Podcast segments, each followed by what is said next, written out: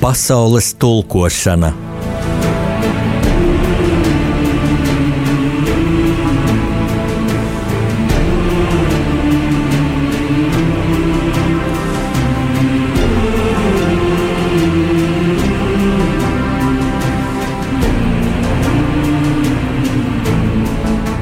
Studijā rakstnieks Jānis Udris.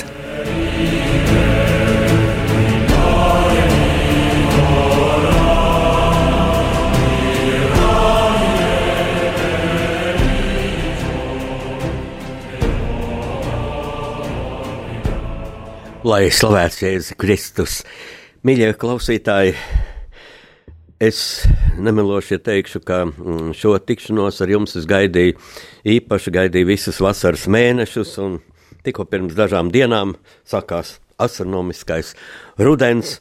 Mm, es gan atzīšos, tā īsti neizprotu, ko tas nozīmē, jo atkal saulainas dienas. Uh, Taču vasara bija sarežģīta, ļoti atšķirīga no iepriekšējām vasarām. Protams, šis koronavīrus, šī e, pandēmija, un man pašam arī iznāca slimot. E, un tad ir ļoti svarīgi, ja ir kāds ceļa rādītājs, kāda ceļa zvaigzne. Mm, jāteic, ka man šī vasara pagāja mm, viesojoties Mazirbas Lutāņu draugzē. Kā zināt, esmu piederīgs mm, Rīgas e, Lutāņu draugzēji kas pulcējas šeit Turnkalnu baznīcā, burtiski no radio Marija Latvija studijas logiem ir redzama Turnkalnu baznīca, taču vasaras es vadu Dundagas novadā pie pašas jūras, pie dižūras, kā tur sauc atklāto jūru, tur ir jau nu, lielā jūra, dižjūra, nevis Rīgas jūras līcis, ko, ko kurzemnieks sauc par maģo jūru. Un lūk, šajā mazirbas baznīcā man iznāca daudz runāt, par manu jaunāko romānu, romānu Ivana Kāja, sievietes dzelme, kas iznāca pavasarī, tā ir mana astotā grāmata, un arī visa vasara pagāja tādā mm, šīs grāmatas zīmē, jo es kā jau, nu, jebkurš rakstnieks sekoja grāmatas liktenim. Tas ir tā kā vecākiem, kad ir piedzimis bērniņš, kad seko šī bērna pirmajiem soļiem un, un sajūsminās par pirmajiem e, smaidiem. E, par to, cik zinātnām acīm bērniņš raugās pasaulē, kā viņš sāk jau vingrināties, sāk uzsmaidīt vecākiem un tā tālāk. Un tā joprojām mm, nu, sekoju atsauksmēm internetā, kādas ir grāmatai. Uh, Un bija arī raidījums grāmatu kods, kurā es piedalījos kopā ar savu izdevēju Vīku Kilbloku, mm, atbildēju uz rakstnieku savienības vadītāju un šī raidījuma vadītāja no Junzes jautājumiem. Un var teikt, ka romāns Ivanda Kājas sievietes dzelme bija tāds man tāds šīs vasaras, nu, mm, ceļa rādītājs. Jo ir jau tā, ka romānu raksta gan pats autors, rakstnieks, gan arī šī romāna lasītāji. Jo lasītāju vērtējums summējas gan no romāna, nu, varētu teikt tādām, tādiem objektīvajiem lielumiem, cik veiksmīgi rakstnieks ir uzrakstījis, cik kāda viņam ir valoda, cik viņš ir pratis iedziļināties savu mm, grāmatas varoņu uh, psiholoģijā, rīcības motivācijā, nu gan arī lasītāja inteliģence, lasītāja hm, temperaments, mm, varbūt arī garastāvoklis. Un to visu man bija ļoti interesanti vērtēt, eh, mācīties no tā. Jāteic, ka es arī turpināju šo romānu rakstīt, kā es tagad, šobrīd, zinot cilvēku vērtējumus, spriedumus, kas ir saprasts, kas ir pārprasts, varbūt arī tādi gadījumi ir bijuši, kas ir ieteikts. Kas ir e, kritizēts, to visu vērtējot, es kā tā pārskatu, vai es ko būtu rakstījis savādāk vai nē. Un e, man sakrājās ļoti daudz daudzas atbildes uz daudziem jautājumiem, kuras es šodien jums gribu sniegt. Un pirms mm, sākt šīs atbildes, es gribu teikt lielu paldies mm, Jūrmālas Latviešu biedrībai un Jūrmālas centrālajai bibliotekai, kuras bija inicijējušas un sarīkojušas par spīti šai koronavīrusa pandēmijai un dažādiem ierobežojumiem bija sarīkojušas manas grāmatas prezentāciju. Jurmālas centrālajā bibliotekā. Jāteic, tā bija nu, neparastākā no manām astoņām, astoņām grāmatu prezentācijām, jo parasti ir tā, ka es pats piedalījos prezentācijas gatavošanā. Prezentāciju parasti es gatavoju kopā ar savu izdevniecību. Pirmās trīs grāmatas man iznāca grāmata apgādā Jumava, pēc tam piecas uh, apgādā zvaigzne ABC. Taču, lūk, septiņas prezentācijas tāpat tā, kad es rakstīju scenāriju, manas idejas tika apspriestas kopā ar grāmatas izdevējiem. Nu, šoreiz, jā, es dažas savas idejas, dažas savas vēlmes aizsūtīju, bet principā šī prezentācija tika sagatavota bez manas klātbūtnes un bija ļoti gaiša, skaista noskaņa e, plašajā jūrmālas centrālās bibliotekas zālē ar stikla sienām. Skanēja vioļu mūzika, spēlēja vecmeistars Reinas Galinieks, spēlēja violi. Un tika prezentācija ievadīta ar skaistu deju, dejoja mm, Rita Caune. Uh, mana, man, viena no manām lasītājām, kur ir Latvijas ekšķempiona mākslas vingrošanā. Tas bija bezgalīgi skaisti, kad es ar dēļu tiku izvests publikas priekšā, un man tika dots vārds. Jāteic, ka mm, Ivanda Kaja ir pirmais mans romāns par sievietes. Līdz šim bija rakstījis par nu, mm, izciliem, arī pretrunīgiem kungiem, Latvijas vēsturē par Kārlu Ulmanu ir mans romāns, mm, Ulmanis lielā kara testaments. Man ir romāns par Zikfrīdu Meirovicu, kas ir izdots par divreiz divās versijās, nu, un par leitnantu Rubeni, romāns Bruņinieks Roberts, par karavīru, kurš divu okupantu varu sadursmē, mm, sarkanā fašisma un brunā fašisma armijas sadursmē cīnījās par neatkarīgu Latviju un krita zem sarkanbalta sarkanā karoga. Un tad man ir tā jautājums, tas būtībā ir tas pirmais tāds konceptuālais jautājums, kāpēc es kā esmu atstājis nevērībā sievietes savās pirmajās septiņās grāmatās.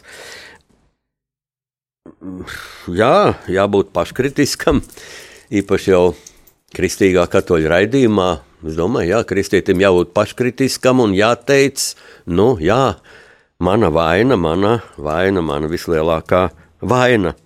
Bet es varu arī mazliet tā kā būt advokāts sev un teikt, ka tā jau gluži tomēr nav, jo visos manos romānos ir bijusi vīrietim blakus sieviete. Mm, romānā par Mērovicu ļoti mm, būtībā spilgti sieviešu tēlu. Vispirms jau heroiskā cildenā Mērovica māte, Anna Filholde, Anna Mērovica, kura atdeva savu dzīvību, laižot pasaulē dižano Latvijas diplomātu. Mm. Un es atgādināšu tādu epizodi no viņas jaunības.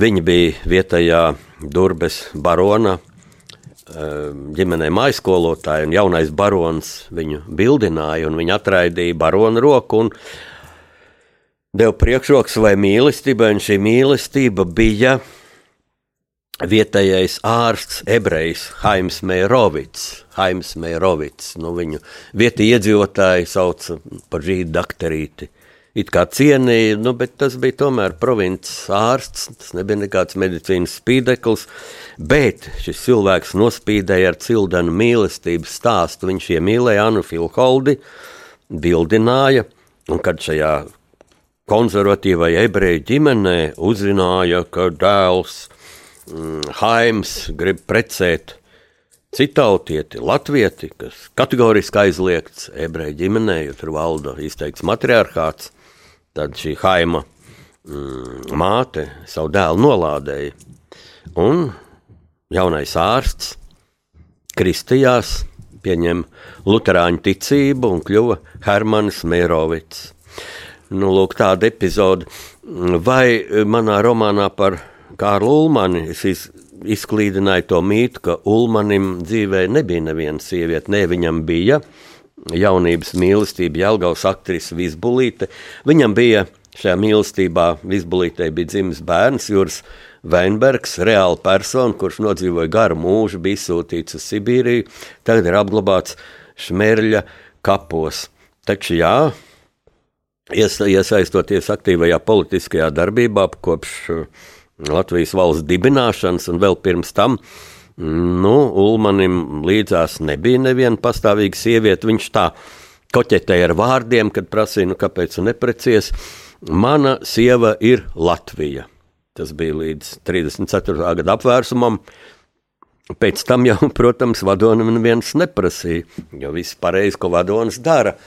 Un es savā romānā skaidroju, tā ir mana pārliecība, ka Ulmaņa vājums 1940. gadā padomju okupācijas skarbās realitātes priekšā – bez pretošanās, pakļaujoties visām okupantu prasībām, tas bija arī tāds nu, vīriešu vientulības diktēts vājums. Ja līdzās būtu bijusi sieviete, mēs zinām, ka daudziem politiķiem pasaulē līdzās ir gudras sievas, kas pasaka, paklausies, tu padomā vēlreiz. Padomā, ko tauta par tevi teiks, padomā par savu atbildību, tu nepārsteidzies. Lūk, Ulmanim šāda sieviete blakus nebija. Bet varēja būt, jo eh, Pirmā pasaules kara beigās viņš iepazinās ar um, populāro aktrisi, atvainojiet, populāro rakstnieci Ivandi Kaju, un viņa starpā radās jūtas, platoniskas jūtas, kas balstījās kopīgā Latvijas mīlestībā, kopīgā aizrautībā par ideju, proklamēt savu Latvijas valsti. Nu, un, lūk, būtībā pirms desmit gadiem, uzrakstot un izdodot romānu Ulmanis Lielā Kāraļa testaments, es jau jūtu, kad šī īpa, īpašā sieviete, cildenā sieviete Ivanda Kaija, kas parādījās Latvijas valsts dibināšanas laikā un Latvijas valsts pastāvēšanas pirmajos gados, Ivanda Kaija, uh, ka viņa ir pelnījusi romānu. Nu, un tā radās šis romāns. Bet tagad neliela muzikāla pauze. Pēc tam es stāstīšu jau konkrētāk par romānu tapšanas peripetijām, pirmajiem soļiem pēc iznākšanas.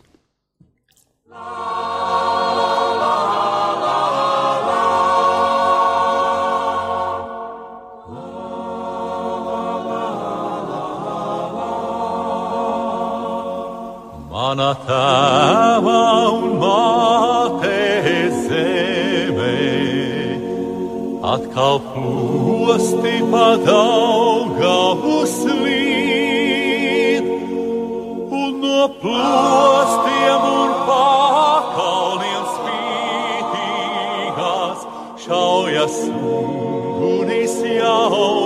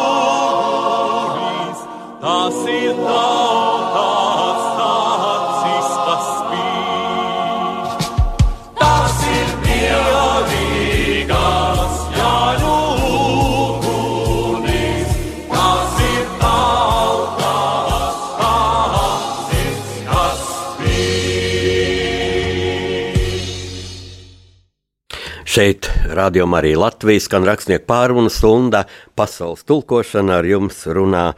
Jānis Udris sāk stāstīt par savu jaunāko romānu, mm, Ivanda Kājas sievietes dzelme, un mm, man ir prieks um, par to, ka grāmatnīcās šo grāmatu ļaudis ļoti labprāt pērk, un Interesanti, ka bibliotekās, bibliotekās ir rinda uz šo grāmatu. No daudzām bibliotekām man pienāk šāda vēsts, nu, un tiem, kas, kas vēl nav grāmatu nopirkuši un kas mm, stāv rindā uz lasīšanu, es nolasīšu mazu fragmentu no tādas mm, Ivānas Kājas dzīves posma, kas risinājās tepat burtiski šajā, šajā Torņkalna kvartālā kur atrodas Radio Marija Latvija studija. Mm, Tas ir no mm, rakstnieces bērnības.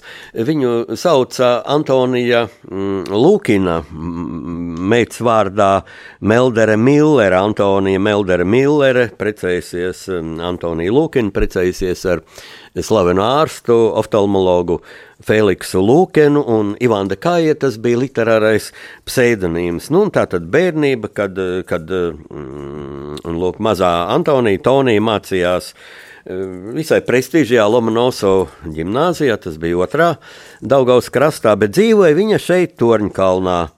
Dzīvoja šeit, Torņkalnā. Dzimusi gan Junkraus pagastā, taču vēl mazu būdama, tika atvesta uz Rīgas, uz Kluso Torņkalnu. Un lūk, fragments atceroties bērnu dienas, no atmiņu dzīvēm, kā skaists monuments iznīra Dižanā Torņkalna baznīca, kuras celšanu Tonī bija skatījusi ik svētdienu, aizskrienot gar Māras ezeru līdz kapsētas ielai. Aizturētā elpu meitene bija vērojusi, kā slēdz stalažas, apdzeltenot ieģeļu mūri un torni, kas celās uz vienu augstāku un augstāk, līdz likās, ka tas atdursies debesīs. Pienāca 1891. gada 24. februāris, jaunās baznīcas iesvētīšanas diena. Vēl nekad Torņkalns nebija pieredzējis tādu ļaužu pieplūdumu. Gorodovoja regulēja ļaužu plūsmu, novirzot pajūgus uz īpaši iekārtotām stāvvietām, bet cilvēki tikai nāca un nāca. Spēlēja pažarnieku orķestris, un Tonija sajūsmināti vēroja, kā mirdz vara ķiveres un misiņa taures. Pēc mācītājas svētības vārdiem vērās baznīcas durvis, un ļaužu straumes nesta Toni iekļuva pasakainajā dievnama iekšpusē. Caur krāsainajiem vitrāžu stikliem baznīca iespīdēja saulstari, balkonā ieskanījās ērģelis, un meitene juta, ka ir lieciniece dižanam uz mūžu atmiņā glabājamam notikumam. Lūk, tāds šis fragments no mana romāna Ivanda Kaja sievietes dzelme. Mm, tagad pārskatot šo romānu kopumā un rakstnieci Ivandas Kajas dzīvi, mani pašu pārsteidz mm, šī mūža, es teiktu, ļoti skarbā bilance, ja tā var teikt, un arī tāds, nu, pretrunīgais Antonijs Lūkins, jeb Ivans Kājas liktenis. Būtībā pirmos mūža 34 gadus līdz 34 gadu vecumam viņi dzīvoja tādu ļoti mm, tipisku, klasisku tā laika, 19. gadsimta beigu, 20. gadsimta sākuma mm, sievietes dzīvi.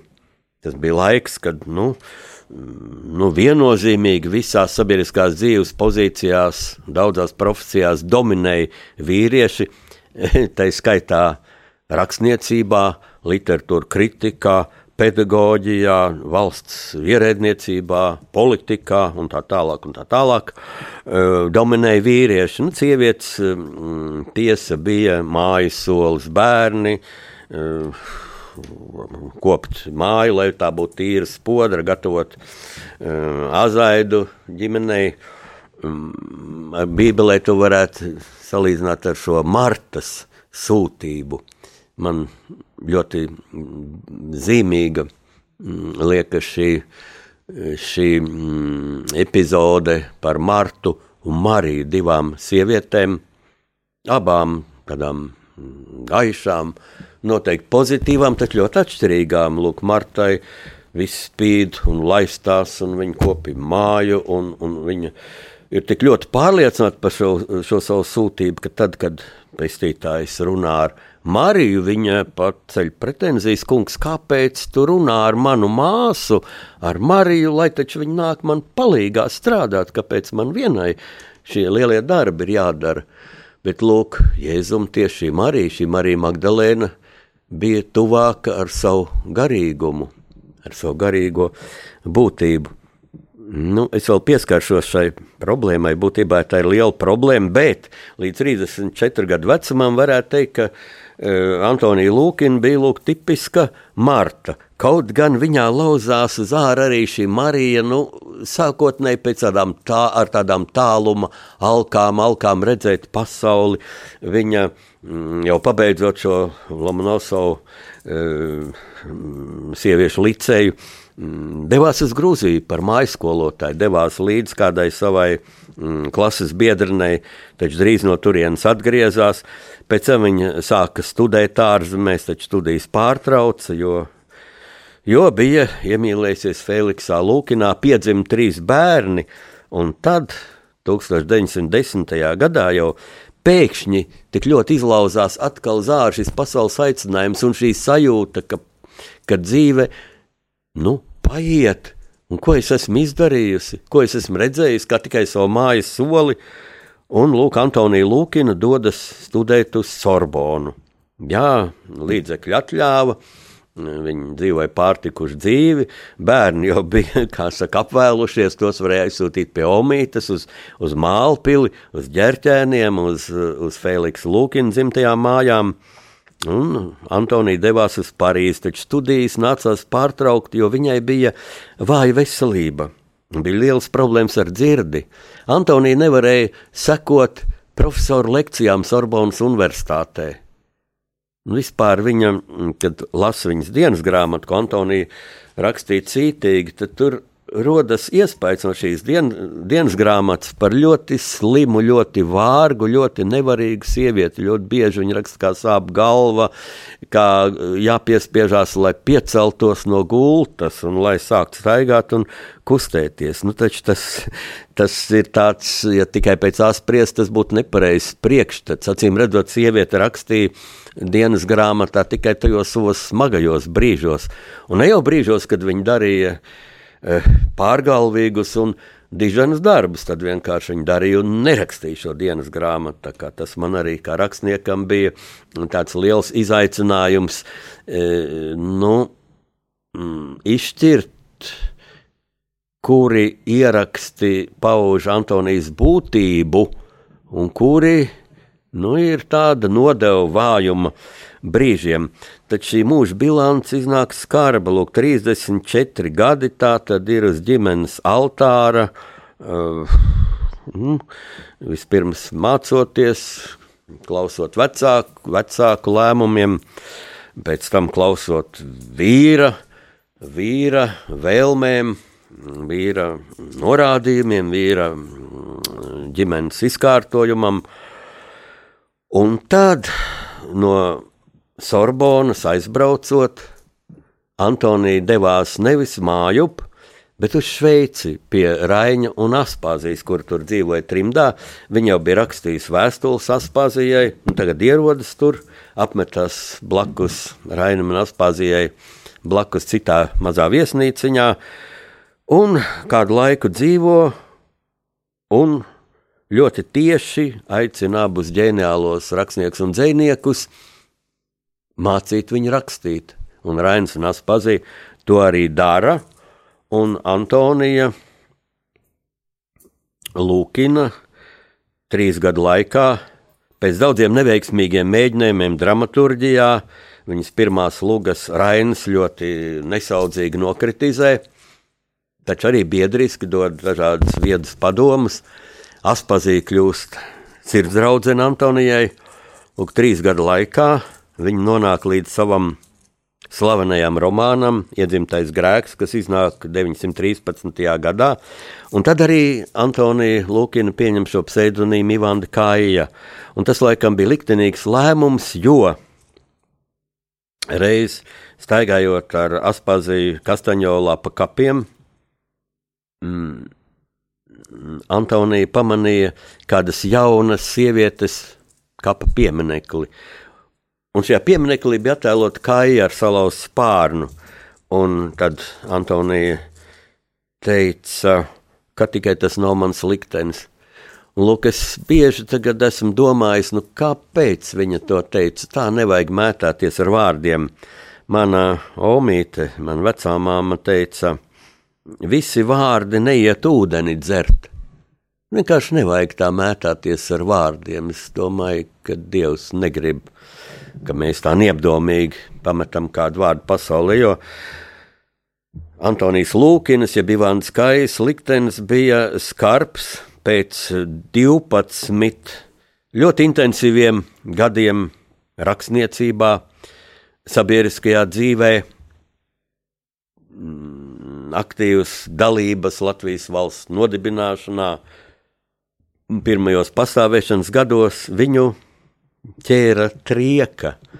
921. gada aprīlī ķēra trieka, un turpmākos 20 dzīves gadus Antonija Lūkina, Bivanda Kaja bija nu, praktiski izslēgta no aktīvās dzīves.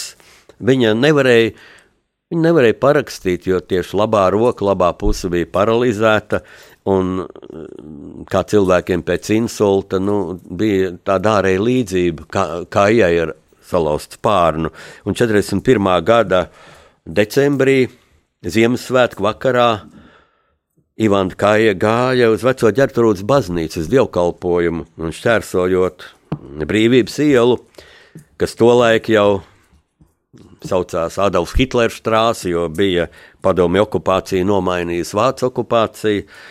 Viņa pakļuva zem vācu armijas mašīnas, tik smagi ievainota, bija komā, un 42. gada janvāra sākumā viņa mira Rīgas pirmajā pilsētas slimnīcā. Lūk, tātad pastīsimies 34 gadi mājas, soli kopjot, 12 radoši darba gadi un 20 gadi paralizētai, iztumtai no aktīvās dzīves. Nu, tā ir patiešām tāda mm, traģiska likumsakarība. Bet tā ir arī viela mm, pārdomām, kā tāda ārēji fiziski slimīga, vāja, ievainojama sieviete varēja nonākt līdz šādam heroismam. Es gribu nocitēt eh, fragment no Ivānas Kajas aicinājuma sievietēm pašā vienā no vistraģiskākajiem brīžiem Latvijas, jaunās Latvijas valsts pastāvēšanā, Bermudiādas laikā. Uz šo brīdi, uz 1919. gadu, Ivāna Kaja jau bija viena no populārākajām Latvijas sievietēm. Jāteic, ka viņas pirmo romānu Iedzimtais grēks viennozīmīgi nokritizēja literatūra kritika, kas bija pilnīgi vīriešu rokās. Visas recenzijas rakstīja vīrieši, un tās bija ļoti skarbas recenzijas. Vienīgi Andrejs Upīts tas kaut ko ieminējās, ka tomēr šai rakstniecei ir talants. Ja? dīvaini tā skarbais, asketiskais Andrejs Upīts, bet citi it kā tolerantāki, it kā tādi mierīgāki literatūra kritiķi, nu, nu spļāva zilugu, un kā sieviete tā drīkst rakstīt, un ko tad Ivanda Kaja tik briesmīgi rakstīja? Viņa iestājās par sievietes vienlīdzību, pie tam e, ne tik daudz par sievietes tādu ekonomisko un politisko vienlīdzību, par to jau bija ļoti, mm, ļoti asi, ļoti talantīgi rakstījis Aspāzija, rakstījis mm, veselu virkni rietumu mm, sabiedriskās darbinieces. Ivanda Kaja iestājās par sievietes vienlīdzību ģimenē un cilvēku jūtu pasaulē, par sievietes tiesībām izvēlēties savu dzīves draugu, savu mīļoto draugu, vadoties no savām jūtām, par tām tiesībām, kas viennozīmīgi piederēja vīriešiem. Un pēc tam, kad Latvijas valsts bija nodibināta, viņa centās iesaistīties arī politikā, startēja satversmes sapulces vēlēšanās ar savu sieviešu sarakstu. Taču šeit jau parādījās nu, Ivāns Kājas tāda mm, negatīvība politiskiem cinismam, kurš ļoti skaidri parādījās spilgtajās personībās, kas bija ap viņu. Kārlis Ulmans pierunāja Ivānu Kāju šajās vēlēšanās piedalīties nevis ar atsevišķu sieviešu sarakstu, bet iekļauties viņa partijas sarakstā, un viss būs labi. Un būtībā nu, politiskā šī, mm, šī mm, grāmatvedība bija tāda, ka Ivana Kaja neiekļūs atversmes sapulcē. Viņa ļoti bija cerējusi, ka Aspāzija pievienosies viņas sarakstam. Jo šeit bija tāda sievietes ideālistes, kas lūk, cīnījās par šīm sievietes tiesībām, mm, jūtu pasaulē. Tā varētu teikt. Bet, uh, Aspāzija rīkojās tā kā Rainis, un Rainis bija ļoti sociālistiski noskaņots. Šeit bija arī Ivandes tā lielā pretruna, ka Ivanda Kaja arī ļoti cīnījās starp savu dziļu nacionālo pārliecību un starp Raina un Aspāzijas ietekmē šo izveidojušos kreiso pārliecību par šo sociālo taisnīgumu un tā tālāk. Un tā tālāk.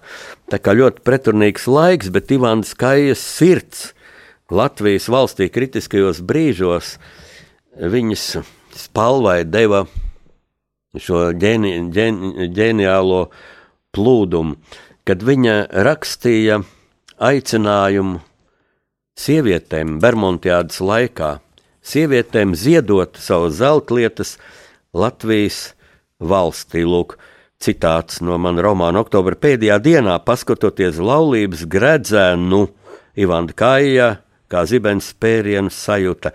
Latvijā daudzām sievietēm patiesībā katrai bija zelta laulības gredzens. Un ir vēl zelta ķēdītes, medaļoni, kuloni un citi dārgi nieki no miera laika. Kādas gan tiesības viņam valkāt vai turēt rotu lādītē šos grabuļus, tagad, kad viņu vīri, dēli un tēvi lai asinis un atdod dzīvību karā par Latvijas pastāvēšanu.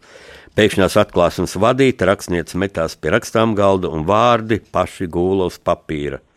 Latviju sievietes bez aplinkiem, cik jūs no saviem zelta vizuļiem atdosat, kad dzimtenes labā valsts no jauna to tagad prasa kad jūsu vīrieši par tautas brīvību un mūsu tēvu zem ķīlā liek savas dzīvības. Viņi vienā elpas vilcienā uzrakstīja, un tad sev strupā tieši mulsināt apstājās pārdomāt turpmāko. Neiz ko manā vietā rakstīja tas pāzija, Ivanda iešāvās prātā un līdzās tālajai draudzenei, viņa domās skatīja Justīnu Čakstu, Jānu Brigaderi un citas slavenas Latvijas sievietes, ko sastapa sieviešu komitejas rosībās, sajūtus piedarību šai kopībai Ivanda rakstīja. Jūs gan saprotat, daļās jaunavas un cienījamās Latvijas dāmas, ka pavisam nepiederīgi šīs dzimtenes liela upuru laikos spīdēt zelta rotas lietās, kad valstī zelts ir vajadzīgs. Jūs tās nevalkājat, to jums liedz jūsu smalkjūtība, un vēl gadiem ilgi pēc kara jums neklāsies lepoties ar šīm greznuma lietām. Tāpēc mobilizējiet savu nekustīgo kapitālu, atdodiet valstī savu zelta un dārgakmeņus un sudrablietas, kuras tagad slēpjas no atklātības. Lūk, šis fragments, bet viss šis uzsaukums sievietēm ir ģeniāls. Man kādreiz lasītāji ir prasījuši, kāpēc zelts bija vajadzīgs. Nu, atbildi ir elementāra, lai par šo zeltu varētu pirkt Latvijas armijai ieročus, karavīriem mundierus, apavus, jo mums taču nebija nekā. Karavīri oktobrī, novembrī gāja uz fronti dažkārt ar basām kājām, un tā tika likts pamats Latvijas zelta fondam tam zelta fondam, kuru pēc Kārļa Ulmaņa rīkojuma padomju okupācijas priekšvakarā izveda uz rietumiem, un tur bija 18 tonnas zelta, zelta ķieģeļi, kas tika saglabāti rietumu bankās. Nu, te ir ko padomāt, atkal muzikālā pauze.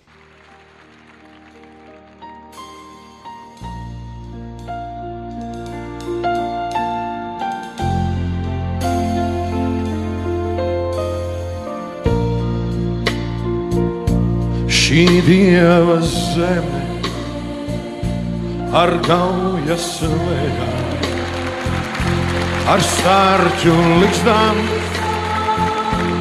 un kurmju ejām,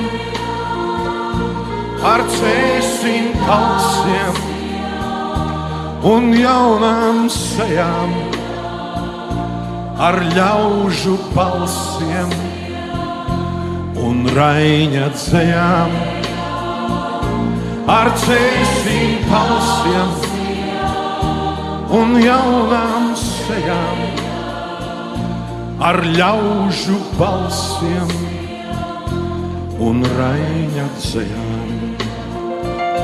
Par verga algu es tajā sirkšu, par indes malku es viņu pirkšu.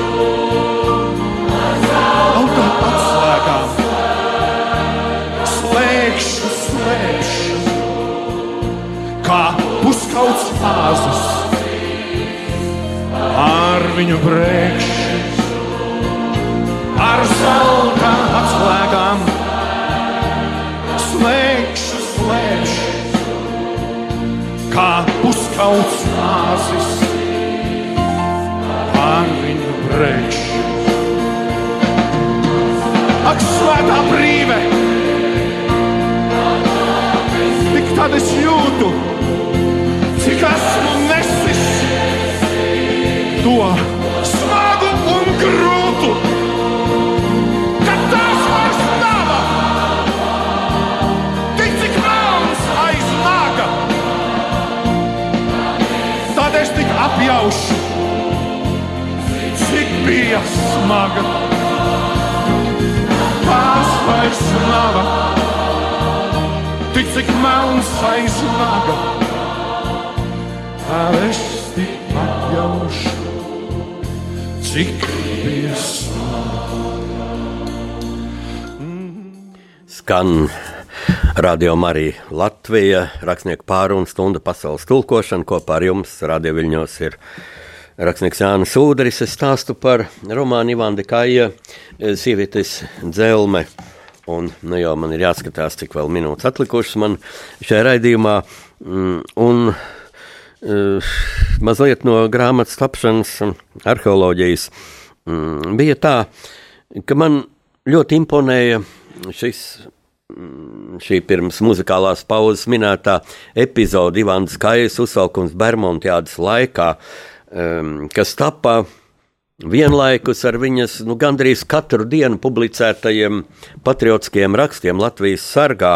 Un jāteic skaidra valoda, ka es Ivāns Kājas publicistisko darbību, viņas eh, patriotiskos rakstus, eh, nu, tomēr likt pirmajā vietā un viņas romānus pēc tam, kas bija ļoti aktuāli tajā laikā, nu, šodien lasot, varbūt liekas mazliet monotoni. To es esmu dzirdējis no mm, daudzām lasītājām, nu, pamatā sievietēm. Mm, Vīriešu viedoklis man tā kā nav zināms, jo ir jau tā, ka sievi, grāmatas galvenokārt šodien lasa sievietes. Un arī romāna nu, sākotnējais variants, pirmais manuskripts bija tāds, kur ļoti akcentēta tieši šī mm, viņa sabiedriskā darbība, viņas ceļš uz šo virsotni, uz šo kliedzienu, šo uzsaukumu Bermudiādas laikā. Bet, kad es iedevu izdevniecībā Zvaigznā BC, tur uh, daļliteratūras redakcijas vadītāja mm, Bārbala Simpsone man ļoti pamatoti tā aizrādīja un ieteica, ka lasītājām tomēr gribēsies vairāk zināt par Ivānas Kājas personīgo dzīvi. Un tad bija tā tāds pārmetums, izskatās, ka jūs kā autoru nemaz viņas personīgā dzīve neinteresē. Man bija jāpiekrīt šai kritikai, un es vēl krietni piestrādāju pie romāna. Mm, Man ļoti noderēja jau minētās mm, Ivans Kājas dienas grāmatas. Un, uh, Un tad, nu, jāteic, ka ir šī persona, viņas privātā dzīve, viņas ģimenes dzīve ar Feliksu Lukinu attēlo diezgan pamatīgi, sākot no romantiskās divu jauniešu iemīlēšanās, un šis viņa iemīlēšanās laiks sakrita Rīgas 700 gadu jubileja, kas tika atzīmēta ļoti krāšņi, ja mēs domājam, ka pirms mm, nepilniem 20 gadiem Rīgas 800 gadu jubileja um, tika atzīmēta krāšņa, tad jāteic, nē, 700 gadu jubileja. To pārspēja ar iluminācijām un ar, ar milzīgu izstādi Latvijas rūpniecības sasniegumu izstādi un, un daudziem citiem elementiem. Tas bija ļoti skaists laiks. Bet lūk, problēmas radās tad, kad Ivanda Kaja nostājās uz sava radošuma ceļa, sāka rakstīt romānus, te nu Es biju ļoti pārsteigts par to, cik vīrietis var būt greizsirdīgs. Vismaz tajā laikā bija greizsirdīgs uz to, ka arī sieviete, arī viņa sieva grib būt personība. Un es nezinu, kā būtu bijis, ja Ivanda Kaja būtu izvēlējusies uh, aktrises ceļu vai, mm, vai bij- bijusi balerīna. Droši vien tas pats rezultāts būtu bijis tāda vīrieša greizsirdība. Es taču esmu zvaigzne, es taču spīdu šajā ģimenē. Un, uh, jā, par to liecina Ivāns Kājas dienas grāmatas ieraksts un tādas pat banālas epizodes. Lūk, uh, viņas vīrs Feliks Lukins, slavens ārsts, no pieņemšanas nāk mājā ar ziedu pušķiem. Viņa saka, no kā tad tie pušķi, ak, Dievs, es taču nezinu, tā sievietes mani vājā, es taču nevaru, un tā velk no kabatas kaut kādas tur vēstulītes, un sievai redzot, tur tā kā lasa, un es taču nezinu, no kā tā ir. Un, un, nu, un tas ir, mēs liekam, šodienas vīrieši esam gudrāki, varbūt cinisma mūsu pasaulē ir vairāk, bet nu, skaidri redzu, ka tas bija tāds teātris, nu, lai kaut kādu to sievas tādu kā greizsirdību radītu un tā tālāk. Un ļoti interesanti psiholoģiski, Ivanda Kaja, nu, nu, viņa beidzot sāk just, ka nu, vīram tā kā ir arī kāda mm, paralēla, um, paralēla dzīve vēl, un viņa iztēlojas, kāda varētu būt šī otra sieviete, viņa sancense, nu, stalta auguma, skaista ar tumšiem, tādiem zilgan vizošiem matiem, spilgta personība. Un tad viņi aiziet ar vīru uz teātri, uz, starp citu, uz Rīgas Krievu teātri, kurā rāda Blaumaņa Indrānus. Interesanti, ja 1913. gadā arī rāda Blaumaņa Indrānus, tāpat kā tagad šajā brīnišķīgajā Rīgas Krievu teātrī, Čeho teātrī, eh, rāda latviešu klasiku. Tas ļoti skaisti brīnišķīgs teātris. Un tur starpbrīdī pienāk tāda nu, banāla, neglīta izkrāsojusies skuķīte, un tā ir lūk tā Ivans Kais vīra Feliksa tā lielā mīlestība. Un Feliksam pašam ir kauns par to, un, un, un Ivanda Kai arī šo skuķīti noliek pie vietas. Un tad nāk pie pirmais pasaules karš, kas parāda, cik banāla, cik tukša ir šī mm, tāda, nu, dižošanās, un kurš tad ģimenei tas noteicējs būs. Bet man bija sāpīgi lasīt tādus vārdus, ka, lūk, vīrs sievai saka, kad iznāk šis romāns, mm, iedzimtais grēks, kuru gan daži kritiķi, gan arī pats Feliks Lukins nosauc par pornogrāfijas propagandu. Ak, Dievs, kāds absurds! Kāds absurds. Vienkārši tur ir rakstīts par sievietes jūtu pasauli. Rakstīts atklātāk nekā nu, līdz tam ir rakstīts. Un, un tad, nu, kādā sarunā Feliks Lukins saka tā savai sievai, nu, var jau būt arī, ka tu tur kaut ko esi uzrakstījis, varbūt pat tev kaut kādas dotības ir uz to rakstīšanu, bet nu nekāda Žorža Sanda jau nu tu nebūsi, ja. Un tam man bija tā sāpīgi, nu kāpēc mēs tā darām, Nu, es ceru, ka ne visi vīrieši, nu, es tā nekad, es ceru, ka es tā nedarītu, ja. bet laiks ir gājis, ir pagājuši simts gadi, un uh, es savu romānu beidzu ar tādu epilogu, ka es sēžu misiņu bibliotekā, lasu Ivānas Kājas dienas grāmatu, Un tieši tā sakrit, tas bija mm, 2018. gada janvārī, un pēkšņi es lasu tā paša datuma ierakstu pirms simts gadiem, un tad man iznāk tāda mm, saruna, tāds dialogs ar rakstnieci Ivānu Kaju, kurā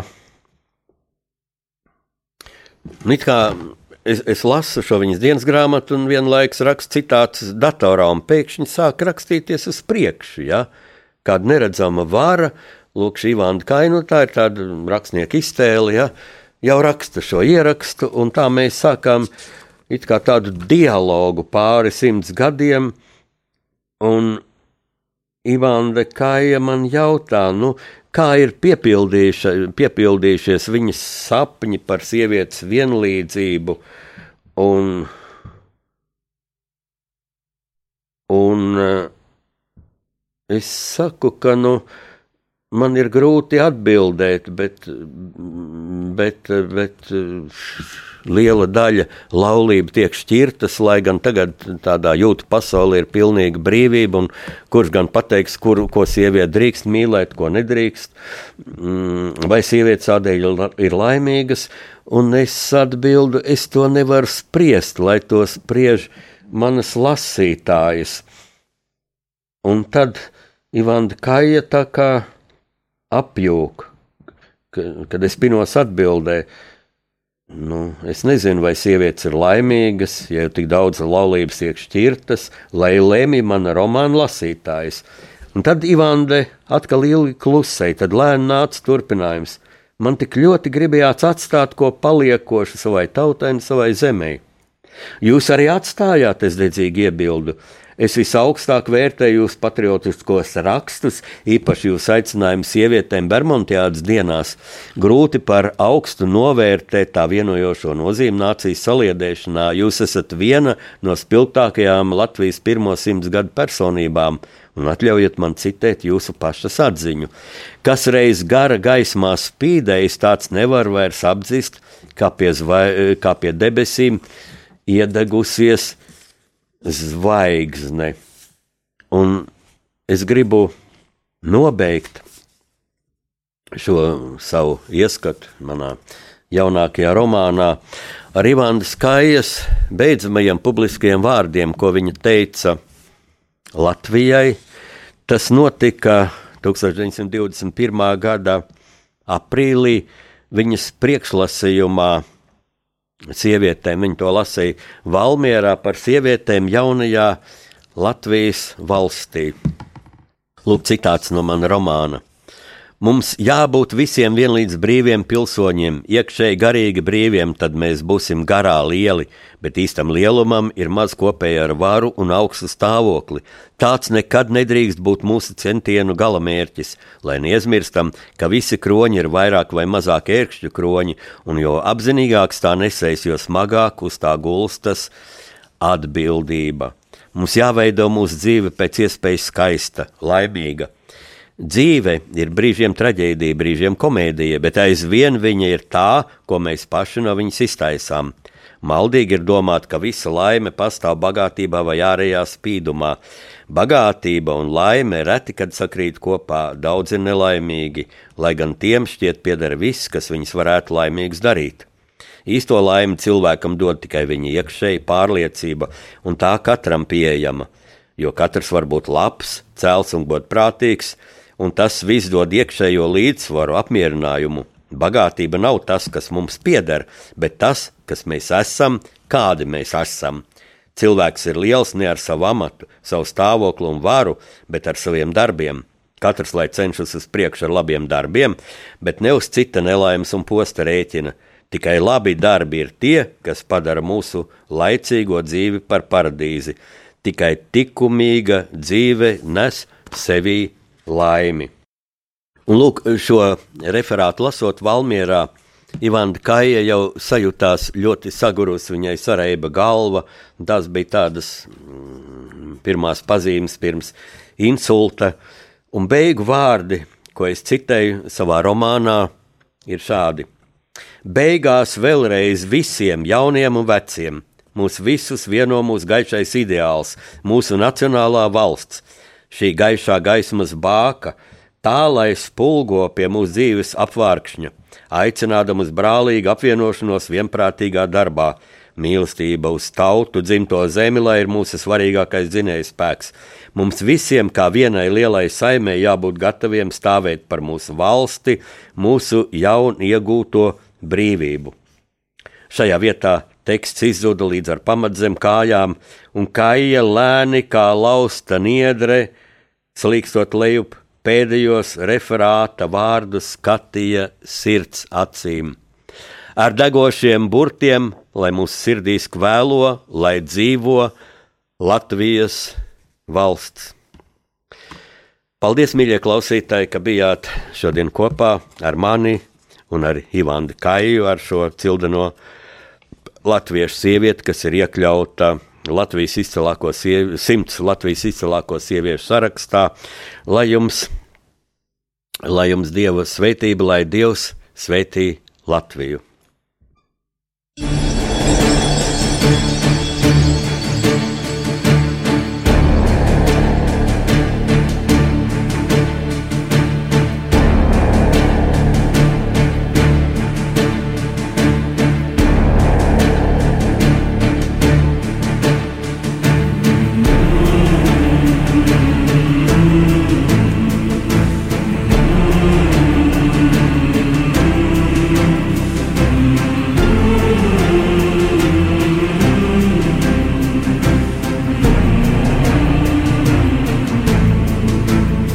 Pasaules tulkošana